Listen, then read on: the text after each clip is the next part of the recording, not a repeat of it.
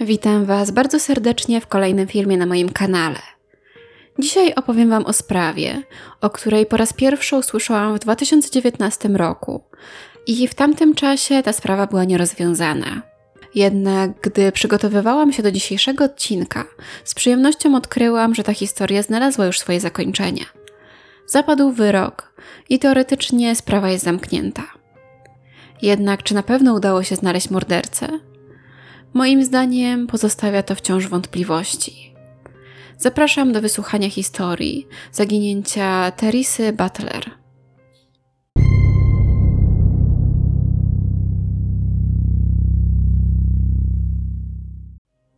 Teresa Butler urodziła się 26 listopada 1970 roku w małym miasteczku Gideon w stanie Missouri. Ciężko znaleźć w internecie informacje na temat tego, jaką osobą była, z jakiej rodziny pochodziła, czy co lubiła robić. Tak więc zarys postaci, który mogę Wam dzisiaj przedstawić, będzie dość krótki. Znajomi ze szkoły opisywali ją jako cichą, ale bardzo lubianą. W ostatniej klasie zdobyła nawet tytuł najbardziej uprzejmej dziewczyny. Nie jest to wprost nigdzie powiedziane, ale ze szczątków informacji, które znalazłam, udało mi się wywnioskować, że naukę zakończyła też właśnie na szkole średniej. Nie wiem natomiast, co dokładnie robiła po szkole. W pewnym momencie przeniosła się na pewno do Risco, miejscowości położonej na północny wschód od Gideon, gdzie rozpoczęła pracę w dziale fotograficznym lokalnego Walmartu. Wyszła też tam za mąż, urodziła dwóch synów i mieszkała z nimi właśnie w tej miejscowości. Przejdźmy teraz do dnia poprzedzającego tragedię. Wydaje się, że wtorek 24 stycznia 2006 roku był dla 35-letniej Terisy zwyczajnym dniem. Po prostu dzień jak co dzień. Rano była w pracy, po powrocie do domu zrobiła obiad, a następnie bawiła się ze swoimi synami w ogródku. Chłopcy mieli już dwa i cztery lata. Gary Butler, jej mąż, na którego mówiono Dale, tamtego dnia pracował na nocnej zmianie i wyszedł z domu około 17. Wieczorem do Terisy wpadła jej szwagierka Sara. Teresa poskarżyła się jej nawet na problemy z trądzikiem. Sara zaproponowała, że może pożyczyć jej maść, po którą miała do niej przyjechać następnego dnia przed południem. Według Sary, Teresa była tamtego wieczoru w dobrym nastroju. Nie miała też żadnych planów na wieczór. Chciała po prostu umyć dzieci, położyć je spać i samej również się położyć. Sara wróciła do domu około 21, a około 22 Teresa rozmawiała przez telefon z jednym ze swoich krewnych. Tego krewnego również wypytano oczywiście o to, czy podczas rozmowy wydarzyło się coś niespodziewanego, czy może Teresa powiedziała coś ważnego czy nietypowego. Coś, co nadałoby sens późniejszym wydarzeniom. Kobieta miała jednak nie brzmieć, jakby była zmartwiona czy zdenerwowana. Godzinę później Dale kilkukrotnie próbował dodzwonić się do żony, jednak nikt nie odbierał. Uznał, że po prostu Teresa śpi. Następnego ranka, 25 stycznia, Dale skończył swoją zmianę, załatwiał kilka spraw oraz zjadł śniadanie ze swoją matką. Wrócił do domu około dziesiątej i niemal od przekroczenia progu miał bardzo złe przeczucia. Chłopcy byli sami w domu, ale auto Terisy stało na podjeździe, więc początkowo uznał, że wyszła gdzieś dosłownie na minutę. Niemniej było to do niej bardzo niepodobne, aby zostawić dzieci same w domu, na chociażby chwilę. W dodatku w domu panował bałagan. Ich czteroletni syn leżał skulony pod kołdrą w łóżku rodziców, a dwuletni ssał pustą butelkę i miał pełną pieluchę. Wyglądało na to, że kobiety nie było w domu już jakiś czas. Dale natychmiast poinformował policję o jej zaginięciu. W domu nie było żadnych śladów włamania, szarpaniny czy krwi. W jednym z zamków wciąż tkwił fragment złamanego klucza. Najprawdopodobniej klucza Terisy do domu. Poza tym wszystkie drzwi były zamknięte. Zniknęły za to drobne, ale wartościowe przedmioty, takie, które można bez problemu wynieść z domu. Brakowało kamery wideo, konsoli PlayStation i Nintendo oraz gier do nich, aparatu cyfrowego, radia z samochodu kobiety, jej torebki i telefonu komórkowego oraz latarki MacLight. W domu znaleziono obce DNA, ale nie wiemy, gdzie je znaleziono ani w jakiej formie. Raczej nie było jednak żadnego dopasowania do niego w bazie danych. W domu została natomiast skórzana kurtka, bez której Teresa nigdy nie wychodziła. Kobieta zawsze zdejmowała swoje pierścionki i obrączkę przed snem i gdzieś je odkładała. Podejrzewam, że na jakiś stolik nocny czy na półkę w łazience. W każdym razie pierścionki znaleziono na podłodze za kanapą. Nietypową rzeczą była również wykręcona żarówka, która miała oświetlać werandę. Być może ktoś chciał mieć pewność, że sąsiedzi czy przechodnie nie zobaczą w ciemności osób wchodzących i wychodzących z domu. Okazało się również, że z telefonu Terisy wykonano dwa połączenia w nocy, czyli w czasie, gdy najprawdopodobniej zaginęła. Pierwszy telefon wykonano o 3.16 w nocy do mężczyzny mieszkającego w Gideon w stanie Missouri. Według jednej wersji wydarzeń mężczyzna nie znał dzwoniącego numeru, więc nie odebrał, a według drugiej nie zauważył, że jego telefon dzwoni i dopiero później zobaczył, że ktoś do niego dzwonił. Raczej nie ma jednak większego znaczenia, która wersja jest prawdziwa, ponieważ i tak nie odebrał tego połączenia. Przesłuchano go, ale nie miał żadnych powiązań z Terisą i tak naprawdę nie miał nic do powiedzenia w tej sprawie. Drugi telefon wykonano niedługo później do domu w Clarkton w stanie Missouri, w którym mieszkały dwie starsze kobiety. Jedna z nich odebrała, powiedziała kilka razy halo, ale nikt nie odpowiadał, więc rozłączyła się. Nie znała ani Terisy, ani jej rodziny, ani też mężczyzny, do którego ktoś dzwonił z komórki Terisy chwilę wcześniej. Gideon, w którym mieszkał mężczyzna, o którym przed chwilą mówiłam, Clarkton, w którym mieszkała starsza kobieta, jak i Risco, w którym mieszkała Teresa, mają ten sam numer kierunkowy 543. Wydaje się więc, że wybrane numery nie były zupełnie przypadkowe. Być może kobieta próbowała dodzwonić się do któregoś ze swoich krewnych czy znajomych, ale pomyliła numer. Pozostaje jednak pytanie, dlaczego nie wybrała go po prostu z listy kontaktów. Jeżeli coś jej zagrażało i chciała poprosić o pomoc, to mogła przecież połączyć się bezpośrednio z numerem alarmowym, lub też powiedzieć o tym starszej kobiecie, która odebrała. To jednak nie koniec niejasności. Dale twierdzi, że jego matka otrzymała dziwny list, którego treść woli jednak zachować w tajemnicy. Zapewne policja zbadała ten wątek, ale niestety do mediów nigdy nie podano treści czy też szczegółów listu. Nie wiadomo, czy napisała go Teresa, czy osoba, która mogła mieć jakiekolwiek wiadomości w sprawie jej zaginięcia. Nie wiadomo również, co w nim było takiego dziwnego. Oczywiście głównym podejrzanym stał się mąż kobiety. W końcu to najprostsze i najczęstsze rozwiązanie.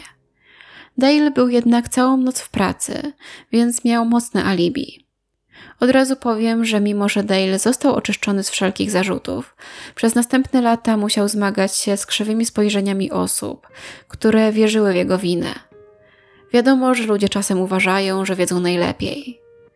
Tak jakby nie było mu dość ciężko z tym, że jego żona zaginęła, nie wie gdzie jest i został sam z dwójką małych dzieci. Dale starał się jednak być dla nich jak najlepszym ojcem i codziennie powtarzał swoim synom, że mama byłaby z nich dumna. Starano się znaleźć osobę, która mogłaby chcieć zaszkodzić Terisie. Teresa była jednak dość typową 35-letnią żoną i matką. Może i nie wszyscy ją lubili, ale na pewno nie na tyle, żeby ją zabić. Miała bardzo dobre stosunki z rodziną, przyjaciółmi i kolegami. Jedyną osobą, która mogłaby mieć motyw, była poprzednia żona Dale'a, z którą ten miał kilkoro dzieci.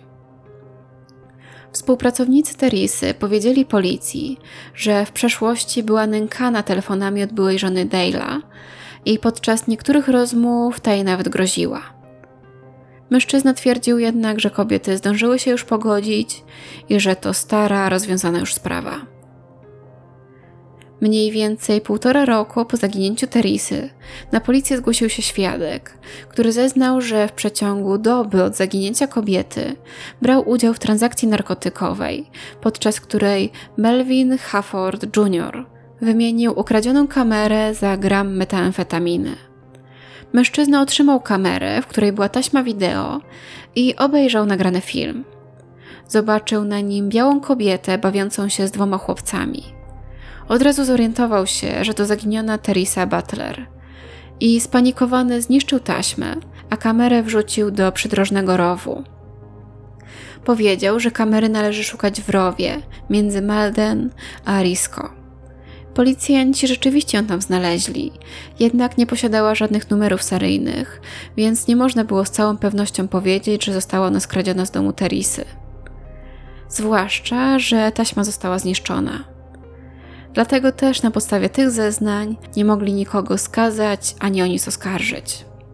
Mijały lata i w sprawie niewiele się działo. Wciąż nikt nie wiedział, gdzie jest Teresa oraz jak i dlaczego zaginęła. Pod koniec 2017 roku, za zgodą pewnego farmera, przekopano jego pole, znajdujące się zaledwie 8 km od domu rodziny Butler. Nie wiadomo natomiast, czego tam szukali, ani czy w ogóle miało to jakikolwiek związek z zaginięciem Tarisy. Oficjalnie nie ma dalszych informacji odnośnie tego tropu, więc pewnie okazał się on ślepym zaułkiem.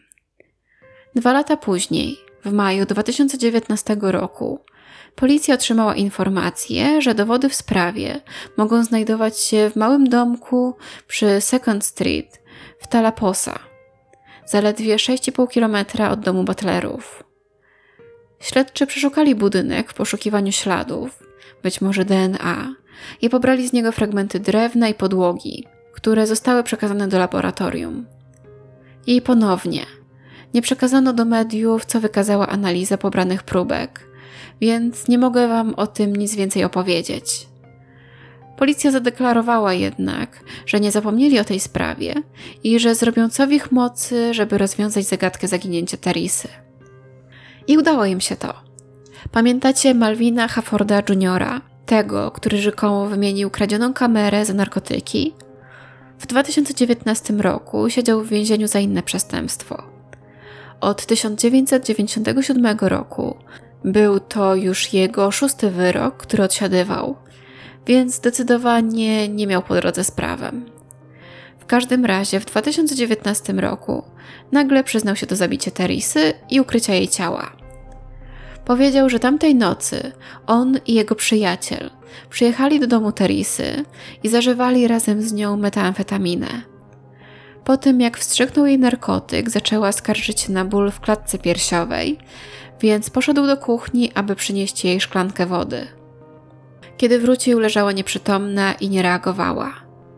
Hafford zbadał jej puls, ale był już wtedy niewyczuwalny. Spanikowani mężczyźni, zamiast wezwać pomoc, zawinęli jej ciało w plandekę i zanieśli do auta, aby je wywieźć z domu. Po chwili wrócili, aby zabrać z niego kilka rzeczy, tak aby wyglądało na to, że ktoś się włamał. Zwłoki Terisy zawieźli do starego domu ojca Hafforda, gdzie schowali je w szafce pod zlewem. I o dziwo, miejsce to okazało się być świetną kryjówką.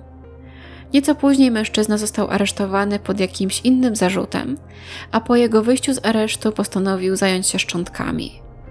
Wrzucił je do dołu, podpalił, a po wygaśnięciu ognia zmiażdżył kości, włożył je do wiadra i wyrzucił do rowu.